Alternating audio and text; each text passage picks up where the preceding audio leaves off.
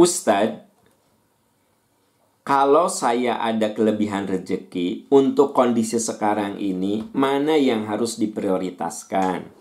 Disedekahkan kepada orang-orang yang berkekurangan atau disimpan? Bisnis waktu-waktu kita memerlukan untuk menambah bayar cicilan kendaraan dan lainnya. Mohon arahan. Ya, begini. Kita disuruh berbuat baik.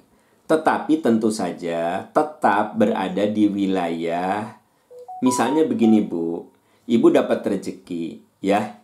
Nah, Ibu kan sudah tahu hitung-hitungannya. Sebut saja per bulan ini Ibu bisa nabung tidak? Nah, ternyata Ibu bisa nabung, sebut saja per bulan bisa nabung 500 ribu, ya. Nah, untuk kondisi sekarang, Ibu nabungnya tidak 500 ribu. Coba 300 ribu atau 400 ribu yang 100 ribunya ibu sedekahkan. Jangan lupa sedekah itu menolak keburukan. Ini yang tidak boleh dilupakan. Mungkin kita sedekah satu juta, ya, tetapi kita diselamatkan dari berbagai penyakit. Yang kalau kita sakit bisa keluar puluh ratus juta. Ya nggak sih? Ini kita tuh kudu percaya dengan dengan janji Rasul bahwa sedekah itu menolak bala. Sedekah itu menolak keburukan. Jadi kalau ada sebuah perusahaan dia rajin bersedekah, sebut sajalah dia untung 100 juta. Ya, dia sedekah 20 juta. Kan mengurangi keuntungan, benar nggak sih?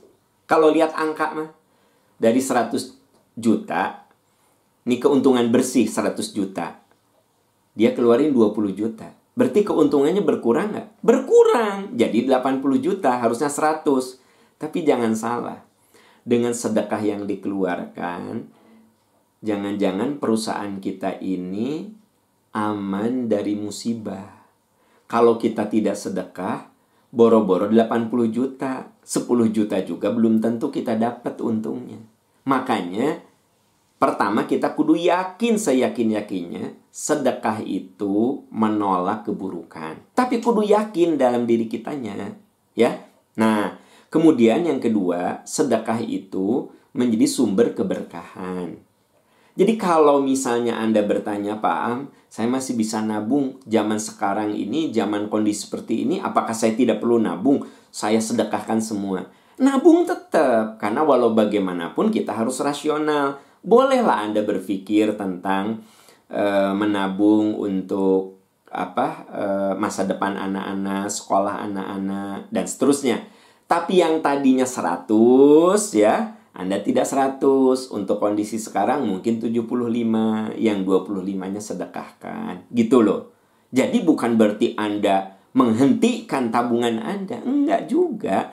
Ingat ayat yang sering saya kutip surat Al-Qasas ayat 77. Wabtaghi fima atakallahu darul akhirah. Gunakan apa yang Allah berikan kepadamu untuk akhirat. Walatan sana nasibaka minad dunia. Tapi kamu tidak perlu melupakan bagian duniamu. Nah, jadi kalau ibu punya kelebihan rezeki di kondisi sekarang ini, apakah kudu disedekahkan semua? Tidak harus Ibu simpan untuk tabungan sekolah anak, untuk tabungan itu dan ini. Tapi jangan seluruhnya. Dari 100 apakah ibu mau keluarkan sebut saja 25%, 30%, mangga silahkan. Sesuai yang menurut ibu eh, sangat memungkinkan. Sekali lagi, Islam itu agama yang sangat-sangat aplikatif.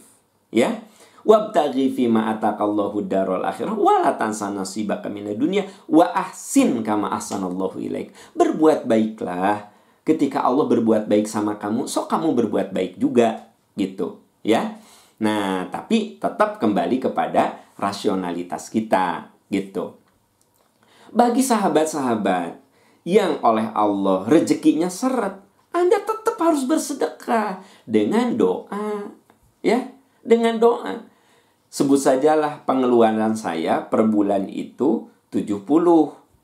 Penghasilan saya 70 juga. Saya nggak bisa bersedekah. Kalaupun saya bersedekah, pasti mengurangi pos-pos ini. maka sedekah saya dengan doa. Ya Allah, semoga saudara-saudara saya yang sekarang ini sedang kesulitan rezeki oleh engkau diberi kesabaran, ketabahan. Bukakan ya Allah pintu rezeki yang tidak disangka-sangka untuk sahabat-sahabat saya. Minimal Anda mendoakan mereka. Bukankah itu sebuah sedekah? Kan gitu. Jadi yang ingin saya tegaskan di sini adalah bahwa dalam kondisi seperti sekarang ini, semua harus bersedekah. Semua harus bersedekah. Sedekah dengan nasihat, sedekah dengan motivasi, sedekah dengan doa. Nah, teman-teman yang oleh Allah dititipi rezeki, sedekah dengan rezeki juga, gitu loh. Itu yang uh, perlu saya tegaskan. Yuk, jadikan sedekah sebagai penolak bala kita, sebagai penolak uh, apa musibah bagi kita. Ya, wallahu a'lam bissawab. Wallahu a'lam.